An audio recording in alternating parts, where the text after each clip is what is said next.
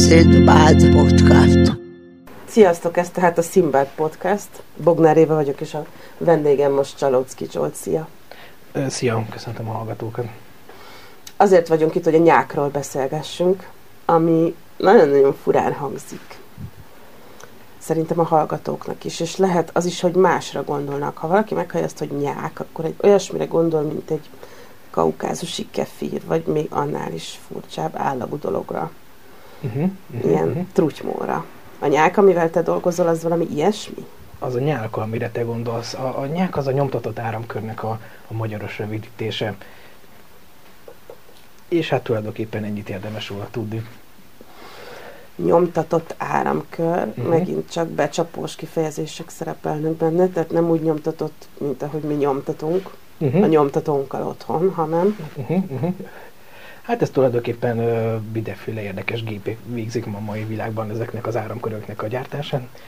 Miközben azt is érdemes tudni, hogy az áramkörök régen, régebben valójában kézzel készültek, tehát kézi, kézi rajzokat vittek át egy különleges marási folyamattal ö, ezekre a felületekre.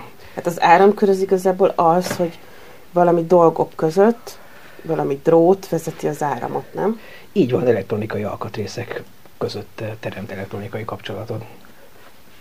És a nyomtatott áramkör az igazából az, amikor szétszereltünk régen egy rádiót, és ami ott benne volt, az a Igen, csak ilyen egy bakelit lap, és rajt rá voltak hegesztve cuccok. Így van, csak a régi áramköröket nem lehetett nyomtatottnak tekinteni, hiszen azok kézzel készültek. Azok, azok voltak a sima áramkörök, és ma a tudomány fejlődésének köszönhetően ezt már gépek, gépek gyártják le, innen, innen lett nyomtatott. És akkor legyártják a gépek valamilyen instrukció alapján, és te mit csinálsz velük?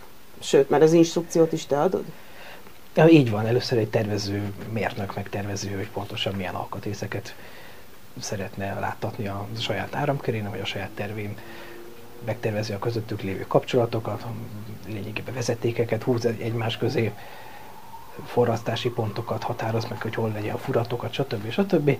Majd ebből a terv, tervrajzból készül el egy gyártó, gyártási folyamat során a fizikailag az elkészült áramkör, és az elkészült áramkör ami akkor még csak egy lap, utána a következő lépésként be kell ültetni az alkatrészeket, ezeket a fizikai, ezeket az elektronikai alkatrészeket, amiket előzőleg megterveztek rá.